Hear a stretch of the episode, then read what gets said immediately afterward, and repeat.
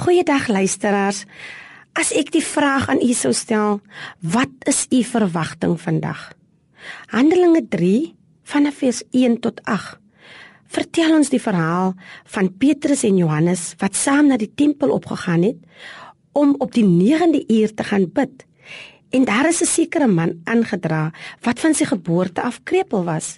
Hulle het hom elke dag daar neergesit by die tempelpoort wat ook die skone poort genoem was om 'n almoes te vra van die wat in die tempel ingaan. Toe hy sien dat Petrus en Johannes na die tempel wou binne gaan, het hy hom 'n almoes gevra en Petrus saam met Johannes het hom stip aangekyk en gesê: "Kyk na ons." En het hy hulle op die oë gehou in die verwagting dat hy iets van hulle sou ontvang.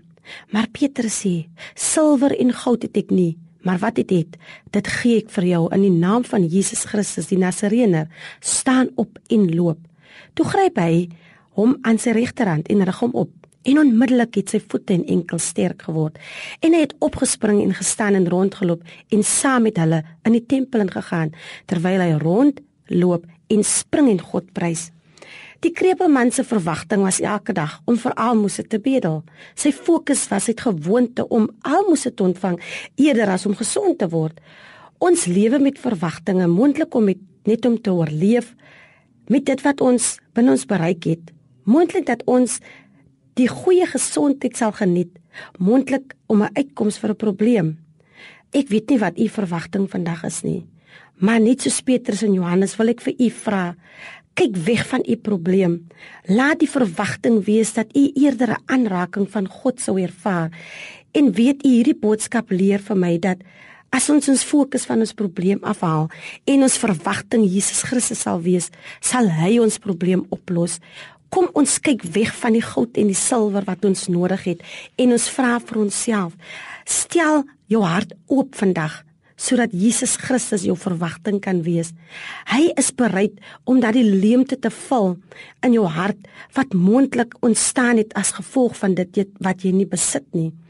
Hierdie krepelgebore man het sy fokus op almoses gesit en hy het dit nie ontvang nie, maar wat hy wel ontvang het, was sy genesing. En nadat hy sy genesing ontvang het, het hy God verheerlik. Laat ons sy naam oplig wanneer hy vir ons mondelik dit herstel wat gebroken was of dit wat ons nie verwag het nie mondelik ontvang. Stel jou hart ontvanklik en oop vir sy gees om in jou hart te kom woon. Leef in sy volle glorie. Ervaar sy blydskap vandag en laat sy naam in jou lewe verheerlik word.